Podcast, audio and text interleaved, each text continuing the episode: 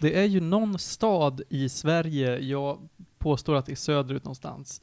Jag säger att det är Lund, bara för att. Nej, det känns inte som att det skulle vara Lund. Men vi, vi låtsas att det är Lund. Eh, vars kommun har bestämt att för att förhindra att folk sitter i parker nu Mm. eh, under eh, valborg plus covid-19 så har de bestämt att de ska så här spela jättehöga frekvenser som bara ungdomar hör. Mm. För att det ska vara jobbigt att sitta i parker. Det var en annan stad, om det var Lund, nej, men det var någon annan stad som skulle fylla sina parker med hönsgödsel. För att se till att studenter inte satt där. Jo men det, är- hön, hönsgödselidén har jag hört Mm. tidigare, men den här uh, ljudidén känns som en mer högteknologisk grej.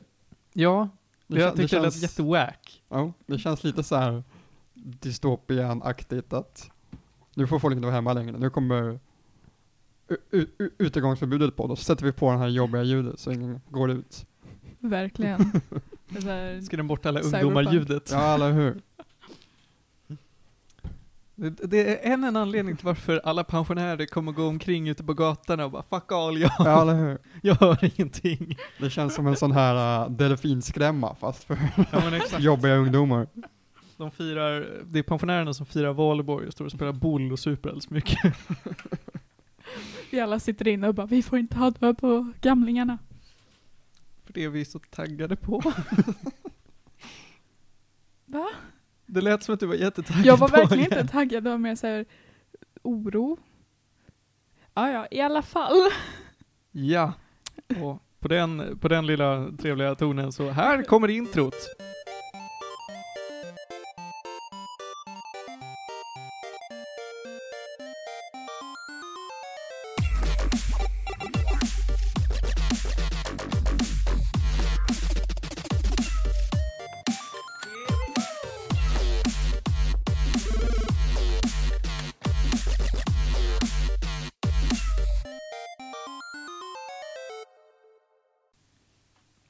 Mina damer ovanpå mina herrar. Det är avsnitt 51 av Medis Radio, podcasten om all typ av möjlig fin och fulkultur.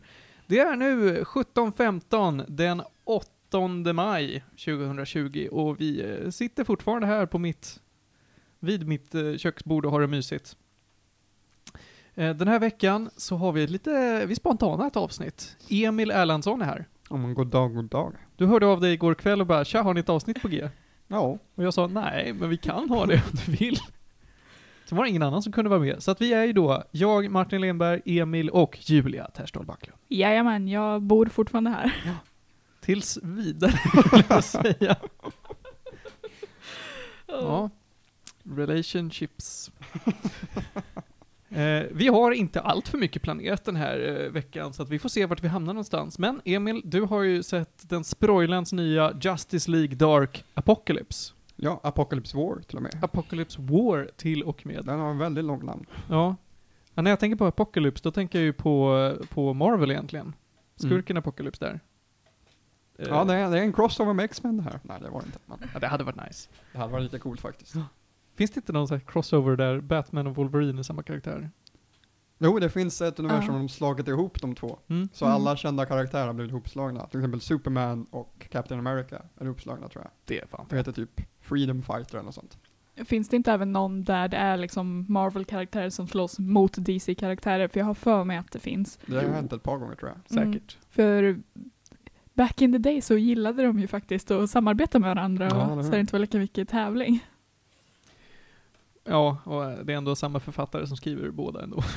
En som. eh, intressant fact om de där crossoverna är att fans fick rösta på vilken som liksom skulle vinna alla stand standard fighter.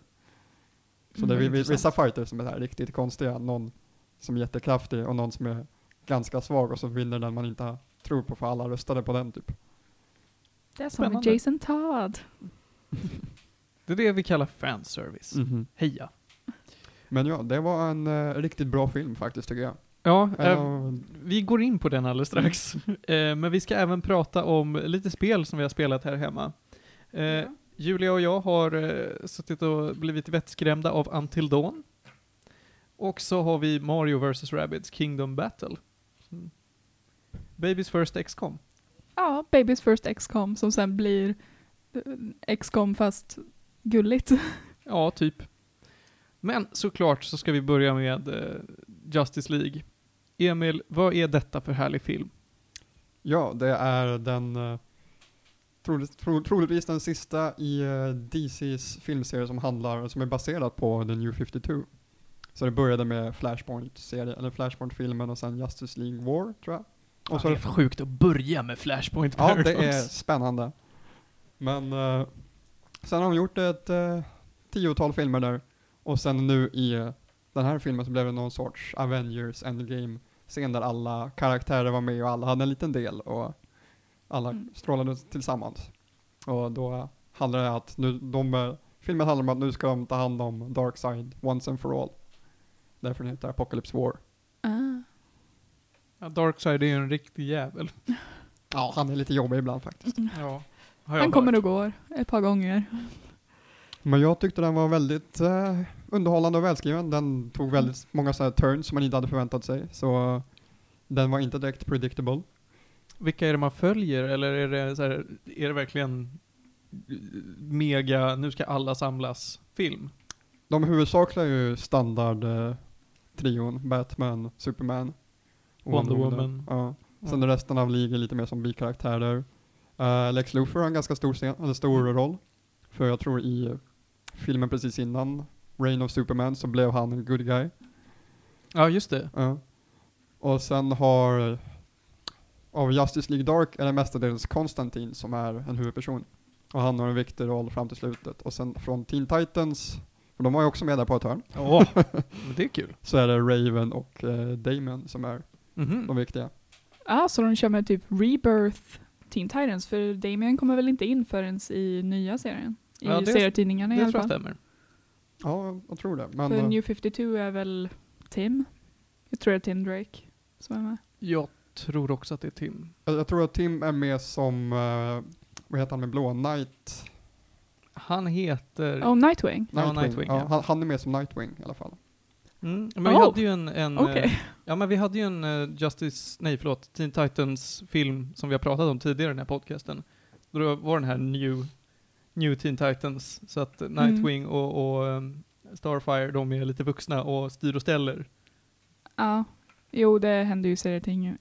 Mm. Mm. Gud, serietidningarna. Och jag tror att den är kopplad till samma serieuniversum som liksom, den här nya filmen då. Mm? Mm. Coolt. Eh, bara av ren nyfikenhet, är det Nathan Fillion som gör Green Lantern igen? Jag dubbelkollade inte det, men det lät inte som honom. För jag Nej, visste okej. att han gjorde det i förra filmen. Men jag kan direkt säga att Green Lantern inte har en så jättestor roll, så de kanske Eh. tog en lite billigare skådespelare den här gången. Trist. Julia håller på att kolla på Eh, casten här. Roger R. Cross är det som gör rösten till Green Lantern. Ja, ja, okej. och, Ja, men de eh, tog ett billigare alternativ. Jag tror att eh, Darkseid också har en ny röstskådespelare, åtminstone från War. För han låter också helt annorlunda. Jag tycker han låter bättre den här gången. Mm? Mera karaktär i rösten och så. Mm, ja men det är bra. Jag var inte jättefan av hans röstskådis för. Men det var, det var ganska, den gamla var ganska standard, mörk, Mm. bad mm. guy liksom. Det här nya har lite mer flavor i rösten. Man kan säga att tonen av filmen är väldigt mörk. Den Bra. är väldigt brutal, väldigt mycket våld och en hel del gore, vilket är väldigt clashar väldigt mycket med den här klassiska färgglada heroic känslan som man bruk, brukar få av DC. Men Så här har väl en roligt att se. 18 plus rating? Jag för mig. Ja, Den borde det. ha en R-rating. Ja, Eh, jag hittar inget specifikt när jag söker efter det dock. Men för liksom det var, det var actual gore, det var inälvor och grejer, det var inte bara liksom lite blod här och där. Så det, folk dör på väldigt brutala sätt. jag älskar att ehm, de har ju lagt till på Wikipedia så här reception för framtiden. Men just nu så har den fem reviews på Rotten Tomatoes så den har 100%. Man bara wow, så coolt! Fem personer har sett den enligt Rotten Tomatoes. Ja, ni hörde det här först alltså. 100% på Rotten Tomatoes. Mm. Det här är den bästa filmen som någonsin har gjorts. Som sagt så tror jag att den kom ut för eh, två dagar sedan eller något sånt. Tre kanske nu. Så Mm. den är väldigt ny och väldigt fräsch. Ja. Ja, den kom ut 5 maj. Ja, jag är Så. så taggad. Allt som har med DC Animated Universe äter jag ju upp som kakor. Jag trodde du skulle säga typ pasta eller någonting, att de sitter med pasta bredvid dig. Ja, jo. Men Det är inte så att jag bara trycker i mig pasta lika gärna som jag trycker i mig kakor. Fair. Ha, vad, vill du sätta några gäddor på den här? Jag skulle nog säga, när det gäller DC-animerade filmer så är det här klart den bästa. Oh. Så eh, jag kan säga fem av fem gäddor. Shit, pommes frites. Det är bra. Ja, då blir jag ännu mer taggad alltså. Mm. Jag har ju faktiskt inte sett en enda animated film från DC tror jag. Jag har sett typ ett avsnitt av eh, Justice League. Nej, Young Justice. Jag vet inte vad jag pratar om. Ja, Ja, Justice League, eller förlåt, Young Justice äh, ligger ju på Netflix nu. ah, de första två säsongerna i alla fall. Mm, Mm. precis. Men den är inte kopplad till den här tror jag. Nej, det tror inte jag Mm. heller. Den är, ja, den är, den är mycket sin egen grej. Ja, det brukar de vara. Ja. Det, ehm, jag läste ju serie, tidningsserien som kom ut förra året, eh, eller började i alla fall, eh, med Young Justice. Så det är alltid så här bara, ja men de är lite sin egen grej och gör lite vad som helst. Ja, det är intressant, men det är kul. Så jag menar, why not? Jag är lite, vad ska man säga, lite nyfiken men vill samtidigt inte se för mycket av de här nya Marvel Safe Space-hjältarna, vad de nu hette. Åh ja. The new, new... Du menar den som Heroes. faktiskt heter Safe Space? Ja, Ja. men det är väl en hjälte som heter Safe Space? Ja, och, hans tvilling som Snowflake. heter Snowflake. Ja, men exakt, exakt. Vad var den superhjältegruppen hette? Ehm, Mm, New Mutants eller något sånt. New Warriors någonting. eh, New New Warriors är Så det. var det. Just det, New New Warriors, ja. Jag är intresserad på att se vad de, hur de ska koppla det till resten av Marvel-universumet. Ifall vi får se någon crossover mellan Snowflake och Jubilee. Tyckte de hade lite originella idéer på uh, krafter och sånt, men känns som de var lite bortkastade på den där gruppen också. Alltså designerna på dem är så jäkla tråkiga. Ja. Jag har bara, alltså jag har sett så många på YouTube som Eh, ändå brukar klassas som så här social justice warriors utav andra som bara okej, dags att designa om de här så de faktiskt funkar och döpa om dem och göra bättre story. Let's make Marvel great again. så de bara, nej men alltså det här är ju det hemskaste som har hänt. Det är jättedåligt. De, de är så tråkiga. Men alltså jag, jag tycker att deras core concepts ändå är ganska Ja, användbara liksom. Det är bara det att de ser skitdåliga ut. Ja, och så just de här specifika grejerna som internet gas som är så här riktigt 90-tal, man bara alltså det är 2020. Get with the times. Det, det känns verkligen som så här, uh, där skulle man kunna hitta typ Kung Fury eller något sånt. Mm. Jag, jag, jag har ju inte sett de här förut, så att nu när jag ser Mm. konceptarten för dem så är de så här, de är ju inte så speciella i alla fall. Vi har någon som ser ut som en blandning mellan Green Lantern och Cyclops. Snowflake och Safe Space är ju fan samma karaktär med en annan, annan färgpalett. Jajamän. Annars så tycker jag de ser ja, helt okej ut. Det påminner lite om, eh, om, eh, fan heter det nu då? Big Hero 6. Ah. Ja, Från den serien. lite samma art style. Ja, men lite samma art style sådär. Mm. Och de inte, har inte världens coolaste eh, character designs där. Alltså vissa karaktärer har ju det. Men, men de här ser ju ganska, jag ska inte kalla dem alldagliga. Men de ser inte jättewacky ut.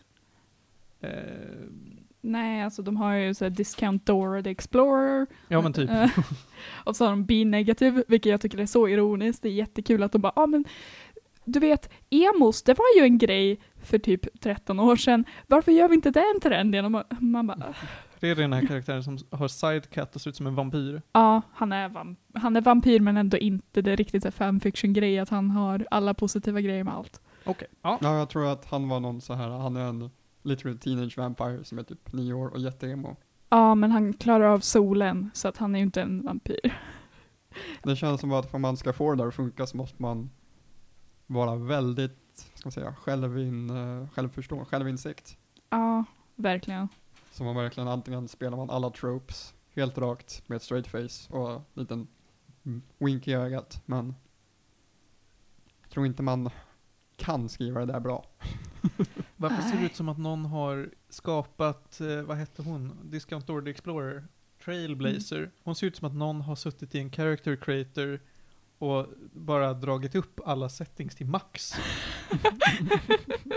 Men det ser ut som det. Visa Emil en gång om du inte redan har sett det här. Jo, jag vet hur de ser ut. Ja. Ja. Alltså det ser ut som att någon verkligen har suttit och bara, men jag ska göra en sim.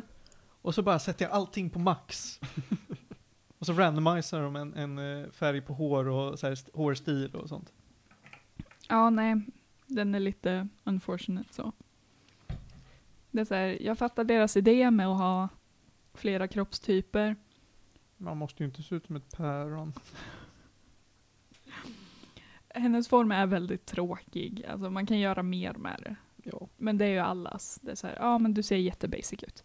Ehm, Basic tror jag är ett bra ord för dem där. Ja, ja, ja men jag tycker verkligen att eh, Safe Space och Snowflake, de ser ut som att någon har bara använt standard standardinställningarna i en character creator. Och sen lagt in Mm. Blå och rosa färg. Ja men exakt. ja, alltså det ser ut som de har på sig så här roller derby-kläder. Ja, jag tänker också att de skulle komma åkandes på rollerblades när som helst. Ja, det är jättetråkigt på en superhjältekostym. Det är liksom, man kan faktiskt göra någonting roligt med det, men nej.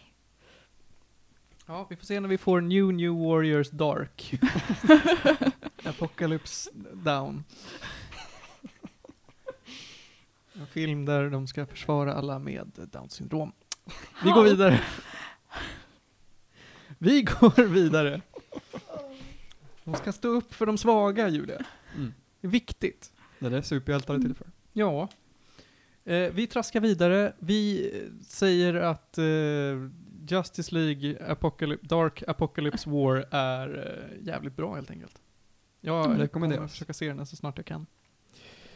Eh, vi går vidare till att prata om den här härliga, eller kanske eh, skräckin, skräckingivande, Skräckinjagande. skräckinjagande, tack. Ja, jag och ord alltså, det är så jävla varmt där inne. Det är jättevarmt. Vi har spelat Until Dawn, eller jag har spelat och Julia har tittat på och gått ut när det är för läskigt, eller kollat på mobilen. Ja, jag har typ suttit bredvid, eller så har jag suttit och spelat Animal Crossing samtidigt. Ja. Väldigt fint. Emil, vet du vad det här är för någonting? Jag känner igen det men jag är inte helt säker. Eh, du vet Quantic Dream, de som har gjort eh, Heavy Rain och Beyond Two Souls och det här Mm. Detroit Become Human.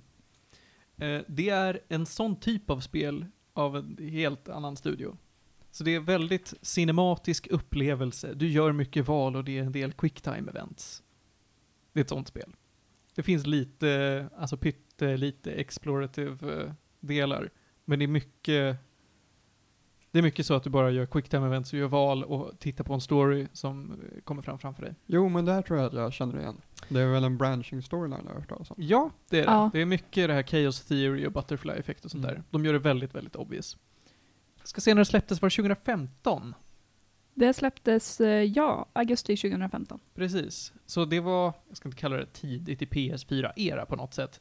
Men eh, Men det var inte sent heller. det var inte sent heller och det ser, för att vara sån här mocap, att det ska se väldigt realistiskt ut, så ser det lite axelryckning ut på sina ställen. Framförallt när karaktärer rör sig. Det, det kan vara så att det är mitt PS4 som ska egentligen vara ett PS4 Pro eller någonting, men jävlar vad låg framerate i det här spelet. Ja, sen så... Jättelåg. Mm, sen märks det även att det är early mocap för just ansiktsanimationerna, eh, speciellt runt så läppar och så, är lite halv awkward många gånger när så här, de rör sig när de inte ska röra sig för det är inte så mänskliga ansikten funkar. Jag Ehm, tror att det här är liksom en budgetfråga, för att om man Ja. tittar på äldre spel som typ LA Noir, som verkligen, där har de ju tryckt all budget Mm. på att göra hyperrealistiska karaktärer. Där är det ju jättesnyggt. mm, Så att det är inte tekniken som hindrar dem, utan det är väl antagligen budget och tid. ja. Supermassive Games är ju inte jättestora Nej. så. De har gjort, Heter Supermassive. Ja men alltså de har gjort typ hybrisnamn där. Little Big Planet. Eller Sackboys Prehistoric Moves.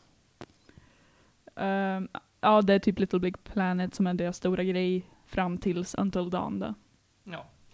Och det här spelet är ju gjort av, eh, alltså det är ju regisserat av en så här skräckfilmsförfattare och en ljudläggare från någon, någon så här eh, skräckfilmsindustrin. Så att det här är människor som inte har gjort spel förut. På, på det här Mm. sättet.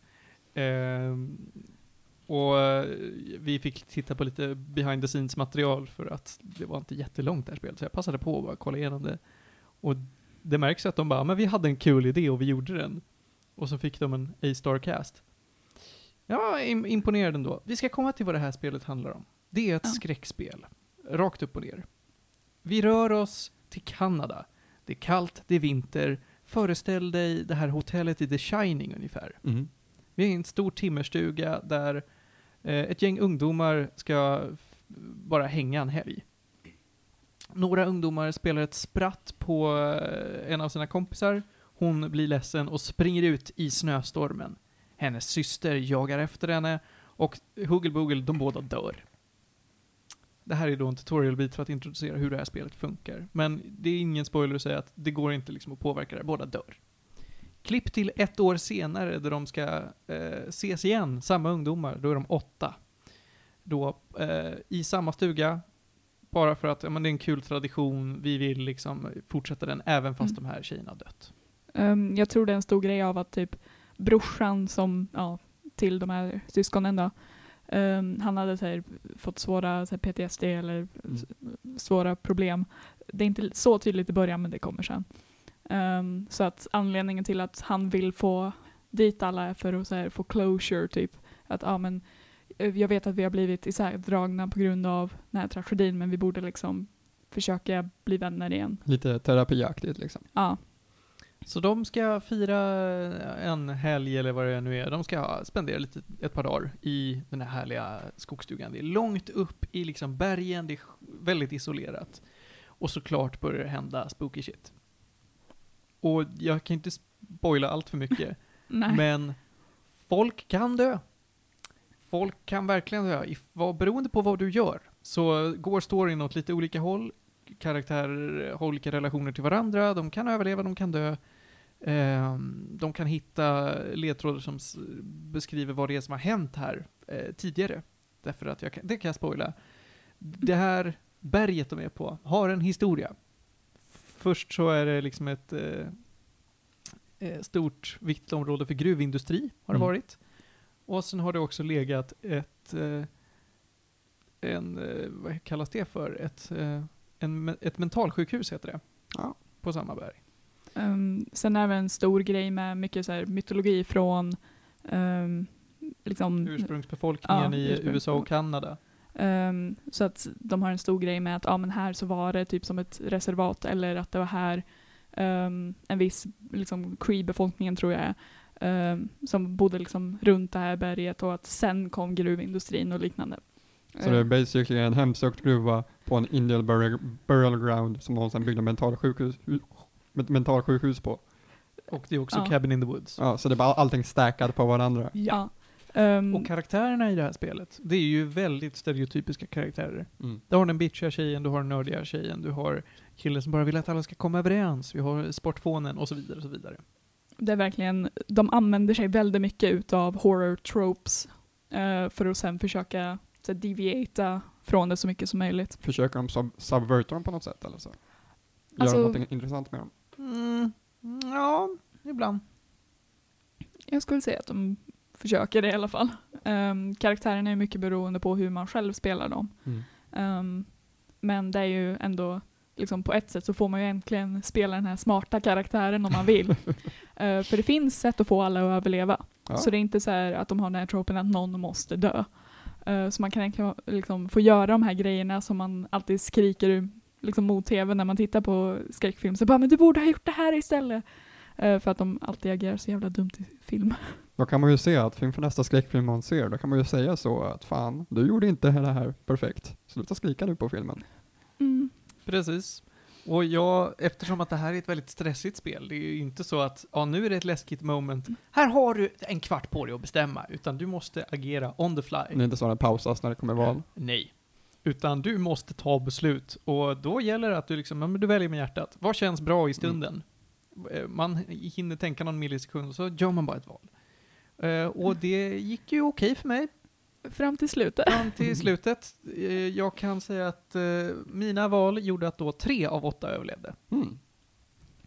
Varav typ, hur många var det? Fyra dog i slutet? Fyra dog i slutet. Ja. Fyra dog verkligen så i slutet. Så att jag kunde ha fått sju att överleva. Det var tråkigt. Eh, Men i alla fall då så kan jag avslöja redan nu att storyn är snitslad. Den ger dig illusionen av att du split, alltså av att dina val helt påverkar. Det, du följer en ganska snitslad bana där du gör val som påverkar lite hur historien rör sig från punkt A till punkt B. Men du kommer alltid landa i samma B. Ja men det här har jag tror jag hört faktiskt att den, den, den ger en illusion av att Edds val spelar roll. Men Mm. Men det är så mycket med visuella noveller och såna här branching storyline-spel att ja, men du ska tro att det du gör påverkar, men i slutändan så kommer det ändå leda till samma Mm. eh, resultat. jag De har ju fortfarande sina storybeats som måste Mm. hända, så det, så det spelar ingen roll hur man gör så kommer vissa grejer att hända, vare sig du vill eller inte. Eh, mycket grejer är så här, ja men om du väljer ett alternativ så kommer det faktiskt ändra på sig, men det är ändå fortfarande så här att, ja men vissa saker måste liksom ske för att storyn ska ta sig vidare. kan tänka mig att det skulle vara väldigt svårt att göra ett spel där allting bara whoosh, sprider sig åt helt olika håll. Yep. Ja.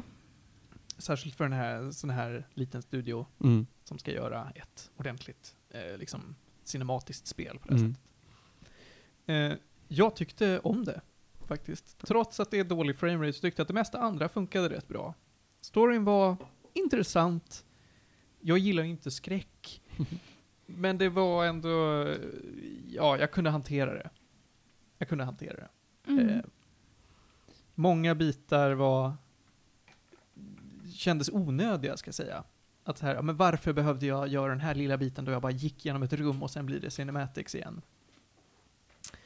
Eh, och sen hur man interagerar med objekt runt sig är lite dumt också. Det, din karaktär sträcker fram handen mot någonting, du trycker på en knapp för att plocka upp den och sen måste du vrida eh, spaken på ett visst sätt så att den vänder objektet mot dig. Mm. De det är rätt jobbigt. Mm, det var många så här, kontroller som var lite clunky. Uh, så här, typ öppna dörrar så måste man först liksom ta, jag tror det är högerspaken, Mm. eh, dra uppåt och sen i en perfekt halv, halvcirkel. Så det var många gånger när jag tittade liksom, på skärmen och så ser jag hur han försöker göra det så här, typ fyra gånger i rad och det går han bara inte. smäller i en dörr och försöker öppna den. I princip. Så här, handen bara så twitchar för han får inte runt liksom ordentligt. Man bara, Där har man en spelidé. En skräckspel, första person, där man styr handen från, eh, vad heter operationsspelet. Ja, Surgeon Simulator. Ja, typ. en, Ja. en sån hand när man ska försöka att kontrollera alla, fingrar och hålla på. Och försöka öppna en dörr när man får panik med sånt. Där har du. Quop som ett skräckspel. Spring från mördaren nu. halv. Mm. Ehm, som sagt, det var läskigt, det var ändå spännande och jag tycker att de lyckades. Det här Mm. spelet har ju fått lite mixed reviews, men generellt så är det så här, ja men det är bra för vad det är. Mm. Jag tror en utav de sakerna som jag har sett folk klaga på är att de använder sig av eh, liksom eh, stillhet som en game mechanic för eh, man kan ju tracka liksom hur kontrollen rör sig i eh, eller på PS4. Så där är det liksom många stunder när man måste sitta och hålla kontrollen stilla. Ja. Um, och folk klagar på det här för den var jättekänslig vissa tillfällen så det var folk som bara, ah, men om jag bara är lite skakig som händerna naturligt så kommer jag inte kunna klara av det här spelet. um, Det känns som någonting man borde kunna dra lite upp och ner på. Sensitivityn ja. Ja, det borde man kunna, jag har ingen aning om man ja jag vet det. inte hur PS4 funkar. Nej, Men jag vet, jag vet inte heller, men för mig var det här inget problem. Mm, nej. När de bad mig vara stilla så var jag stilla och så funkade det. Mm, Men det är en neat idé tycker jag, att kunna Mm. använda kontrollen på nya sätt. verkligen, Ja. verkligen. Och det är mycket så att när du bläddrar i böcker eller någonting så använder du den här touchpaden. Och bara Ah. swipar på den. Och, äh, men eh, de använder kontrollen på ett väldigt intressant sätt. Mm. Pacingen var väldigt bra.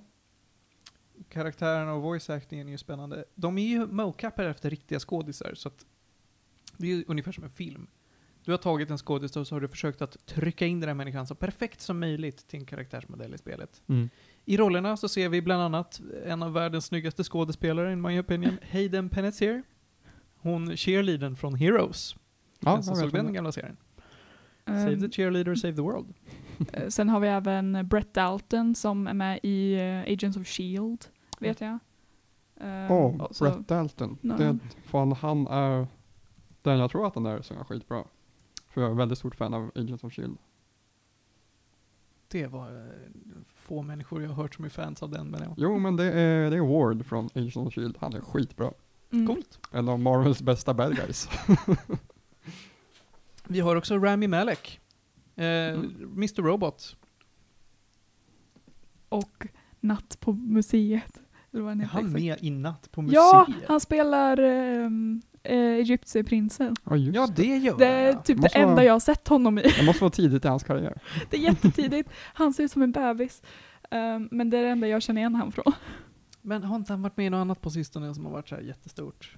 Jo, han var med i någon Jag vill, att han, jag vill säga att han spelar någon bad guy i någon känd film på samma. Mm. Mm. Bara fan som Eh. sätt att kolla upp snabbt information här. Alltså han Han spelar var med i ju, Project X. eh, han spelar ju Freddie Mercury i Bohemian Rhapsody. Ja, det var det jag tänkte på ja. Där var han med. Exakt. Ehm, han är också voice actor i Bojack Horseman. Jaha. Eh, vad har vi mer för människor man känner? Jag tror att det var dem. Det är någon eh, skådis som heter Galadriel, vilket var så här, what the fuck, Verkligen. coolt namn. Ehm, men de performancesen är jättebra. Alltså skådisarna gör ett toppenjobb med, med vad de har fått liksom. Och eh, mocapen är ju cool, även om det frameraten då som sagt är väldigt dålig.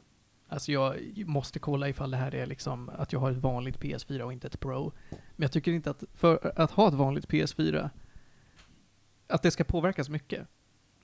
Gör mig arg. Här har jag köpt en konsol. Kunde man kan de optimera så att det i alla fall är 30 FPS eller någonting. Jag kräver inte att mitt PS4 ger mig liksom 10, 80, 60 FPS.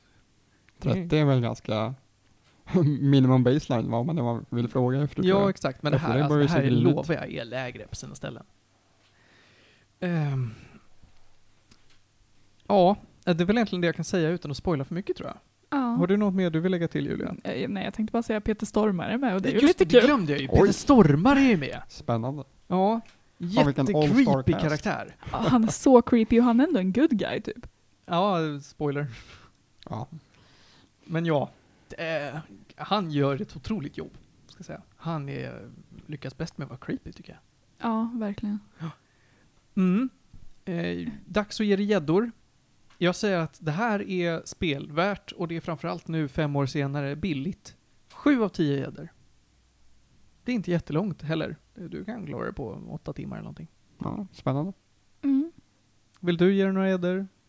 Alltså, eh, nej, jag var inte, jag spelade ju faktiskt inte utan jag satt bredvid och bara hmm, it looks cool. Ja, du hade ju åsikter i alla fall. Ja, Kill this guy. He's a dick. ja. Jag bara, ja men han borde dö. Let's make sure he dies. Men det var typ det jag hade. Ehm, men ja, jag skulle nog säga 6-7 gäddor. Uh, jag är inte heller mycket för skräck så, så det, jag var mest bara såhär, ja men kan musiken sluta någon gång? Ja, det är mycket gnisslande violiner. Så. Ja. Um, eftersom en av de så här, huvudpersonerna eh, jobbar mycket med ljud så var det ju en väldigt stor grej att de hade så här, ja men här har vi vetenskapen bakom skräck och varför vi använder musiken som vi gör för att se till att höja hjärtfrekvensen, eller hjärtfrekvensen nu, um, med så här, hjärtslaget. Och sen med de jätteliknande. Jag tyckte det var väldigt bra, ljudbilden är toppen. Verkligen. Men det är det. Until Dawn rekommenderas, finns till PS4. Jag tror att det är PS4 exklusivt. Är det inte det? Ja, Ja. Där hör ni. Mm. kan man köpa begagnat någonstans. Spelar ingen roll. Kan man spela om flera gånger också om man vill. Jag tror inte jag kommer göra det. om man vill ha alla endings och Ja, nej, få alla tokens. Så visst, men det behöver man inte. En mekanik som är jättekonstig, som jag inte förstår mig på alls, är att man kan samla på sig totems. Alltså man hittar ett litet uh, indiantotem liggandes på marken någonstans. Och så ger det en, en liksom premonition om vad som kan hända. Och så finns det olika kategorier av de här, och det bara säger ja men det här kan hända. Och det är verkligen en flashback, som inte, eller en flash forward, som inte säger någonting. Alltså det är verkligen, en karaktär kan gå genom en dörr. Oh. Eller en karaktär blir uppäten av någonting. Och man bara, jag vet ju inte hur jag ska komma hit. Men okej, här är en grej som kan hända. Det är inte så att de kastar ut små hintar som man ska se, utan det är bara så här, Nej, här är någon som dör.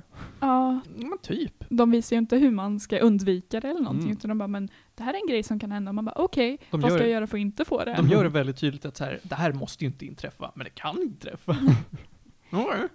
Undrar ifall den där för att liksom göra något gameplaymässigt, eller ifall det bara är där för att höja stämningen av att som, skräck, som, som skräckspel. Jag funderar på om det är gjort för det att så här, åh nej, jag ser att en karaktär kan dö, ja men då Då- blir då- man då- lite pirrig. Ja, då, då, då sitter man on edge liksom. Nu kommer någonting hända när jag öppnar den här dörren. Men så öppnar man dörren så händer ingenting. Men det gör ju Ja. att, att hitta de här är ju inte belönande på något sätt. Det, det, det är ju bara en mekanik som gör dig pirrig, men det är ju gjort som en collectible. Mm. Kanske bara en idé som droppades halvvägs igenom. Kanske. Sånt händer i game design. Ja. Vi tar och går vidare hörni. Ska vi prata om något mycket gladare? Babies first XCOM. Ja! Vi ska prata om Mario plus Rabbids Kingdom Battle. Julia, du har ju sett mig spela det här, du har spelat det med mig, för det finns ett co-op-läge. Och Emil, Ja. du har tittat när jag har spelat nu ungefär en kvart. Ja. Bara, ja, det ser gulligt ut. Men jag är väldigt stort XCOM-fan i alla fall. Så det, Ja, det är bra. Har du kört Chimera Squad? det har jag faktiskt inte. Nej, det var jättebra. Faktiskt. Eh, det här är då någon mystisk love child mellan Nintendo och Ubisoft. Ni alla kommer kanske ihåg Mario, nej förlåt, Mario, Rayman Raving Rabbids. Som kom ut för jättemånga år sedan till typ Wii eller någonting. Det är någonting sånt. Men uh, Rabbids blev jättepopulära vet jag, för jag har stött på dem även utanför spel. De är överallt. Ja, jag har sett dem dyka upp lite här och där. Jag blev förvånad hur... De är lite Ja. som Minions i eh, Despicable Me. Ja, Att de bara blev små jobbiga karaktärer. Som Ja, är liksom typ så här- här, man älskar och hatar dem. de, de, de ser lite gulliga ut. De är väl lite roliga ibland, men sen hamnar de fan överallt. Och Ja. blir de bara så här jobbig grej som folk använder för att vara jobbiga. Här är storyn väldigt enkel. Eh, någon i vår värld har byggt ett par, eh, kan man kalla det för, glasögon typ. Som kan kombinera saker och ting. De kan kombinera liksom en lampa med en blomma och boom, du har en blomlampa. Eh, av någon jävla anledning så lyckas de här Rabid-kaninerna då komma över denna fina, detta fina par glasögon och tar sig in i Marios värld och börjar kombinera ihop en massa skit. Mm. Så därför så börjar man att kontrollera Mario Rabid Luigi, som då är en kanin med Luigi-kläder, och Rabid Peach, som då är vad det låter som. Och sakta men säkert så plockar man på sig mer karaktärer och man ska då stoppa världen från att bli jättekombinerad, för det, det fuckar med världen. För det är dåligt. Ja, de, det är dåligt och det ställer till problem i svampriket. Det, det är storyn. Och med eh, sig på resan har man då den här människan som skapade de här glasögonen. Hennes eh, robotassistent Beepo. Beepo är jättegullig. Beepo är jättegullig. eh, och det är en tactical advisor basically. Ja. Han ger alla karaktärer vapen, alltså pistoler och gevär och, och skit. Och Ja. så säger de att, ja men eh, från punkt A till punkt B, ta er och försök få tillbaka de här glasögonen och besegra alla onda kaniner på vägen. Ja, väldigt aktiv tactical advisor. Ja, jävlar vad den här pratar och har sig, men den slås inte själv. Den bara ger den. Den svär till och med. Den är oj, svär oj, till och oj. med. I Mario-spel. Ja, Ja, det är ju censurerat, men Ja. det är ju så här serietidnings... det ser ut som Så när någon svär i Bamse. eh, och som sagt så är det här då Babies First XCOM. Det här är ett turbaserat strategispel. Där Ja. man går i ett rutnät och ställer sig och flankar och använder specialförmågor för att då besegra de här kaninerna. Du har en lifebar, fienden har en lifebar, eh, besegra alla fiender. Är det för det mesta? Ibland så kan det vara ett eskortuppdrag, att eskortera lilla Toad från punkt A till punkt B utan att Toad dör. Och sånt där skit. Finns bossar. Eh, de är kul. Fyra världar. Eh, med typ, vad är det, 10, ja 12 banor i varje, om man räknar med bonusbanorna. Eh, det var lagom långt tyckte jag. Det blir inte gammalt. De gör jättebra jobb med att så här, introducera nya element sakta men säkert. All right. Och spelar man igenom det som, bara som det är så är det inte jättesvårt. Men vill man 100% det som jag nu har börjat göra, för att det är rätt mysigt. Fy fan vad svårt det är alltså. Det är så fruktansvärt svårt. Jag river mig i håret och liksom i natt satt jag med en bana, jag tror i en timme. Då på samma försök. Det var inte så att jag körde samma bana om och om igen. För att den var så lång och så svår. Och jag vet att fuckar jag upp en enda gång så kommer jag behöva börja om. Oh. Och direkt när jag vaknade i morse då, då skulle jag göra en bana till som var exakt likadan. och jag var så rädd att det skulle skita sig, men det Det gick bra. fortsätta. Mm. Mm. Så eh, det här var, det var en upplevelse. Verkligen.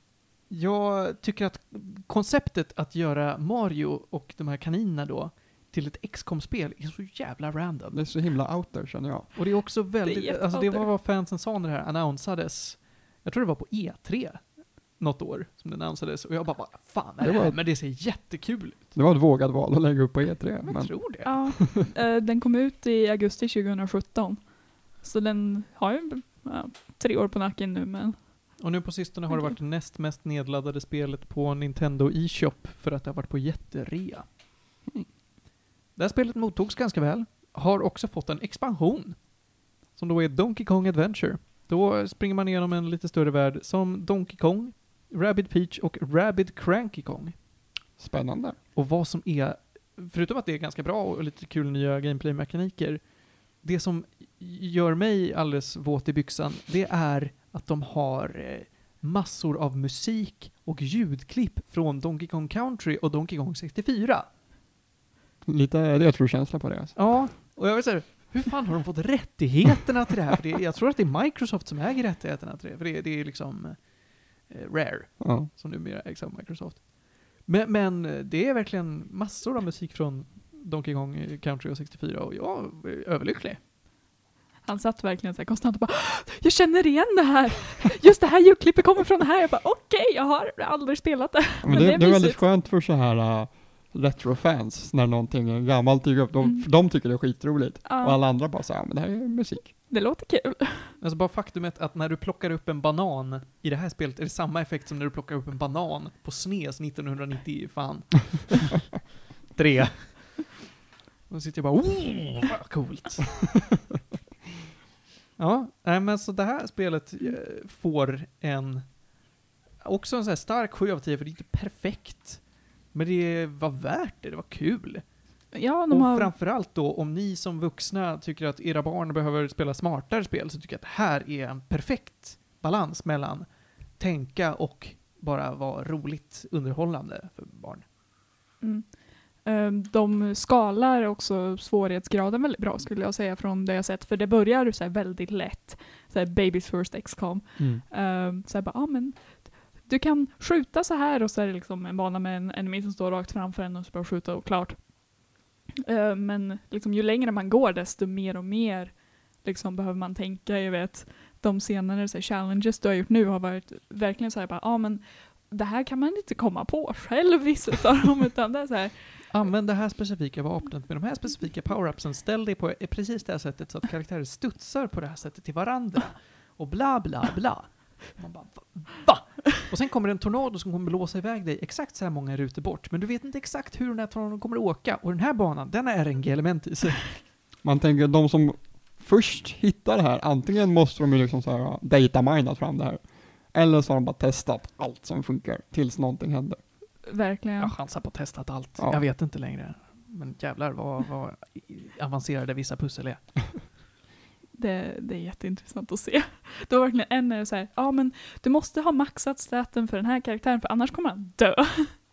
Men han måste kunna flyttas liksom på ett visst sätt genom att enemy slår på honom. Man bara, Ja, det What? är ett tips till nya spelare. När ni låser upp Luigi, maxa hans HP. Luigi är lika bräcklig som en tandpetare. Han har en tredjedel av Peachs HP. ja, Vilket är jättekonstigt, för Peach har så här löjligt mycket HP. hon är buff girl. Eh, det var det. Jag tycker att det här spelet har jättemycket content i sig. Rekommenderas starkt. Ifall man gillar basspelet, så bara spring igenom storyn. Vill ni ha mer? Ja men kör eh, expansionen. Vill ni ha ännu mer? Gör allt optional content. Boom shakalak. Ja. Eh, Det enda jag skulle vilja klaga på lite är att eh, co-op integra- integrationen är inte så jättebra för man kan köra co-op. Men man får inte så mycket ut av det utan det är mer så här att ja men om du vill så kan du spela men man får inte några rewards för att man spelar liksom så den är bara där på sidan vilket är lite synd. Ja, jag håller med. Och det är också kontrollerna i det där är lite konstigt tycker jag.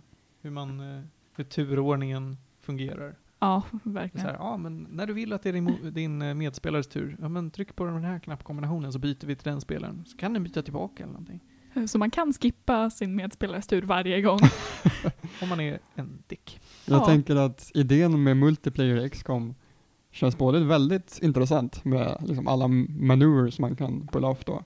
Men Ja. också väldigt, väldigt svårt att göra. Ja, det finns ju multiplayer i XCOM. Ja, det har jag aldrig testat faktiskt. Nej, jag har aldrig testat det en gång, det sög. Så att man måste vara ständig kontakt med den man kör med, annars blir springen iväg helt åt fel håll. Verkligen. Mm. Och dessutom, eh, det är inte co-op i XCOM, det, det är versus. Ja, och då makes more sense. Ja, och det är väldigt långsamt. Och det kan jag också tänka mig. Ja. Vanliga XCOM är ganska långsamt. Ja. Och därför man tar tid på sig att tänka. Det är lite Mm. det jag tycker det är här, för jag har inte jättebra tålamod och Julia är ju lite, eftersom du inte har spelat lika mycket, så är inte du Mm. lika snabb som jag. Ja, så jag blir ju väldigt uttråkad när jag ser dig så tänka medan jag liksom har planerat dina runder fem runder i förväg. ja, Det men är ju inte ditt fel. jag har ju bara inte spelat. Särskilt eftersom vi har att ena kör med GameCube-kontroll, vilket de flesta gånger har varit jag. eh, Så är det att eh, man kan inte använda alla knappar ordentligt, så det blir så här, ja men om jag ska byta eh, så att jag vill göra en ability först och sen göra en attack så måste jag cykla igenom alla liksom så här om och om igen med en knapp. För eh, på vanliga switch-kontrollen så kan man bara trycka bakåt liksom. Mm. Men det är ju honestly vårt problem i och med Det är att vi kör problem. med äh, GameCube-kontroll, vilket de inte egentligen vill att man ska.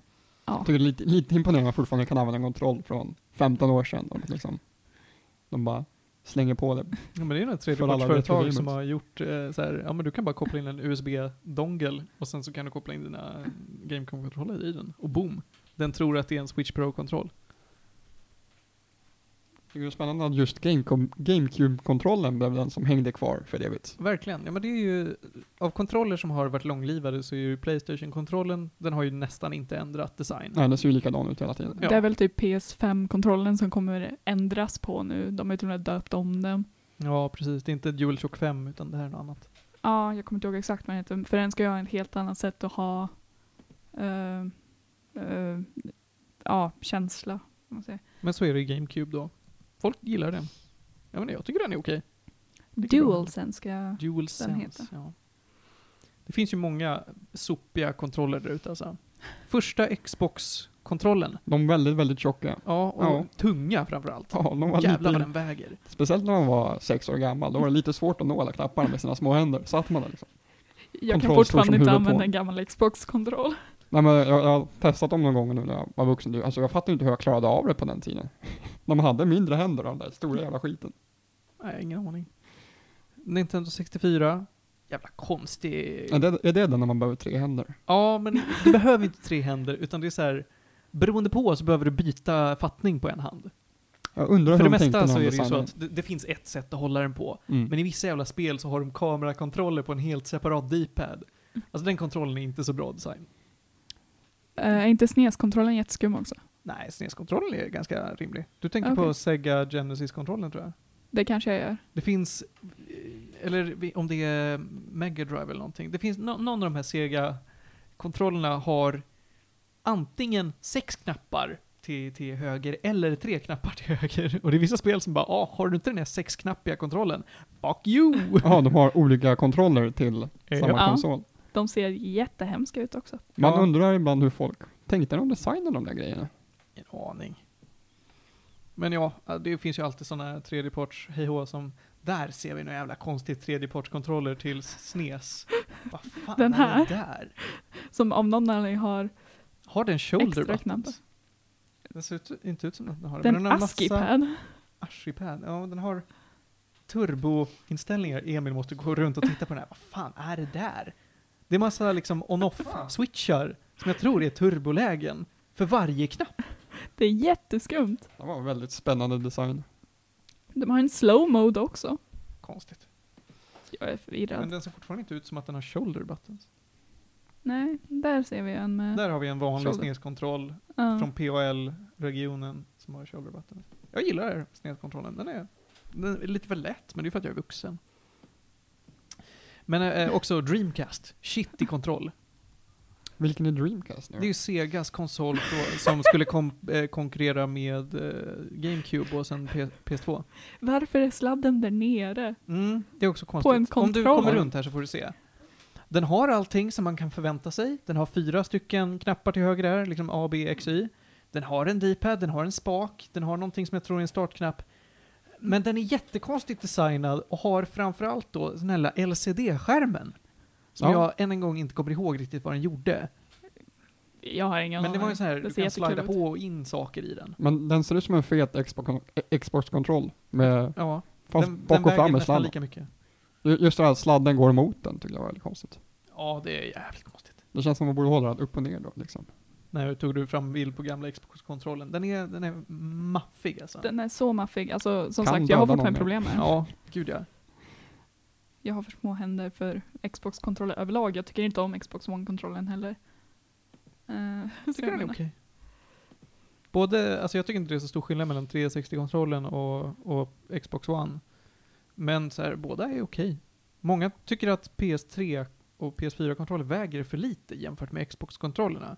Och jag så här, ja men, jag bryr mig inte så mycket om hur mycket de väger så länge de inte väger för mycket eller för lite.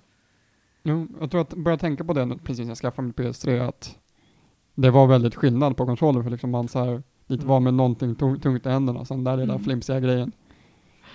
Ja, nej, för mig så vet jag, eh, när jag gick över från PS3 till PS4 så tyckte jag verkligen inte om PS4-kontrollen för att den var för stor. Och nu så är det så här, jag kan knappt använda PS3-kontrollen för den är för liten nu. Eh, och det är ändå så här, jag har inte växt sådär jättemycket egentligen i hand, handstorlek.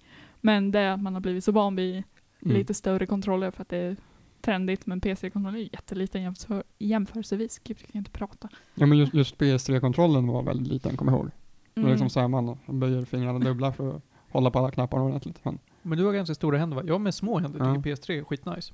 Men jag tycker personligen nu, så här, med, nu 2020 så är väl PS4 min favorit. Mm. Men det skulle säkert lika gärna kunna vara Xbox One kontrollmässigt eller. Nu är inte jag en Xbox-kille så att I wouldn't know. det känns som Xbox och PS, PS liksom, eller PS, ja, Mm. PS-kontrollen har flyttit lite mot varandra i design. Mm, verkligen. Ja. verkligen. Vi får se vad som händer nu med nya generationen. Mm. Såg du, eh, igår släppte ju Microsoft eh, Xbox Series X eh, så här, game reveals. Nej, det har jag missat. Ja. Ja, de visar upp Eh. en hel del coola spel och en hel del, jaha. Eh, för den som inte har sett det, så kan man söka på det. Xbox Series One, Nej, Series X. Series X Game Reveal. Är det den eh, som bara är en stor kub, typ? Fast Den- det den är, ju- Xbox. ser ju Xbox One ut då. som Ja, också. Xbox One är ju bara en låda, det ser ut som en skokartong. Ja, det är det. Mm. Nej, Men alltså, Xbox Series X vet jag inte hur den ser ut. Kan kolla. men jag tänker, eh, One är väl fortfarande åtminstone lite utdraget och så. Nej, alltså det ser ut som en skokartong. Med Gör det? hål i. Ja. Uh, ah, den här ser ut som eh, typ ett tower mer. För Ja, en, Det ser ut som en väldigt liten dator. alltså typ det var som det en jag tänkte, Mac-dator. Ja. Jo, men det ser ut som en fyrkantig Alexa, typ. Ja, Mm. men jo men absolut. Vi får se vad som händer med den. Jag är... Jag var positiv över spelen som de visade upp. Många såg coola ut. Men, eh, ja. Sen är, ja, förstår jag verkligen inte hypen. Assassin's Creed Valhalla har vi pratat om tidigare här. Och nu släppte de en till trailer. Och jag är såhär, ja men det är till Assassin's Creed, vad är det som är så jävla coolt?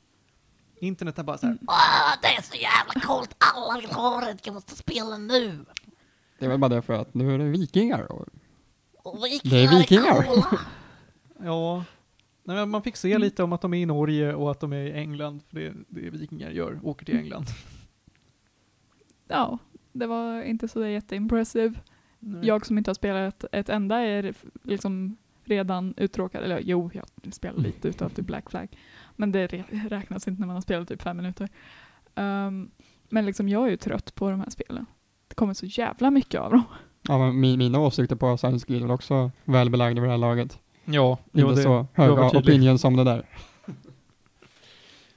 ja. Napanos eh, vände ju i förra avsnittet tror jag det var. Han tyckte inte om Odyssey, Mm. men sen på slutet, då tyckte han om Odyssey. Vägen fram till slutet, det var jättedåligt, men sen blev det bra igen. Lite som Mm. jag kände med Red Dead Redemption 2. Det var, eh, spelet igenom och så Endgame bara, oh vad bra det här är. nu är det riktigt, riktigt fett. Lite tvärtom att det är journey, utan det, det är änden, Mm. det, Ja. det slutet som spelar roll. Ja. Ja. Hörrni ni, eh, Emil, topp 10 sämsta pastasåsrecept. Ska vi göra det här till liksom en grej varje gång vi har en gäst? Vi måste fråga. Nej, det är väl mest att vi, vi har inget mer på agendan, men vi har en stund kvar. Ja, jag gör ju mestadels bra pastasåser. Ja, du är en jävel på mat, det är du. Men jag kan säga att det värsta är ju när man gör en ganska nice gräddsås då liksom. Mm. Typ vitlök och lite vi- vitpeppar och sånt. Men sen har man i någon form av kött som är ganska fett, till exempel bacon eller något sånt. Och så har man lite ja, flytande smör på, på vet du på eh, pastan innan man häller på såsen för att den inte ska klumpa ihop sig. Ja. Sen har man det här som matlåda dagen efter. Så när man då värmer på den här äh, fina sp- sm- ja, sörjan av grädde, rapsolja och äh, baconfett så måste man hälla av den lite för den, klump, den blir väldigt mycket det skär sig. fettolja, den skär sig väldigt mycket.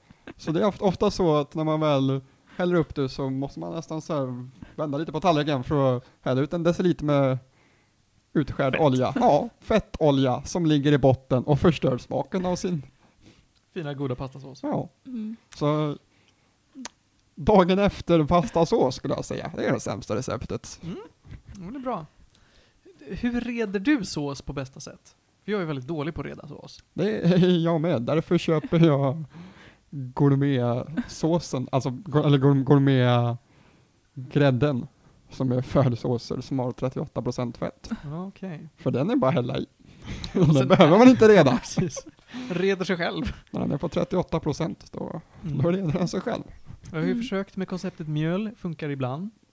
Försökt med konceptet lök, funkar väldigt sällan. Ja, Lök, Ja, reda med lök. det har jag aldrig testat. Mm. Ja, det funkar väldigt sällan, men det funkar ibland.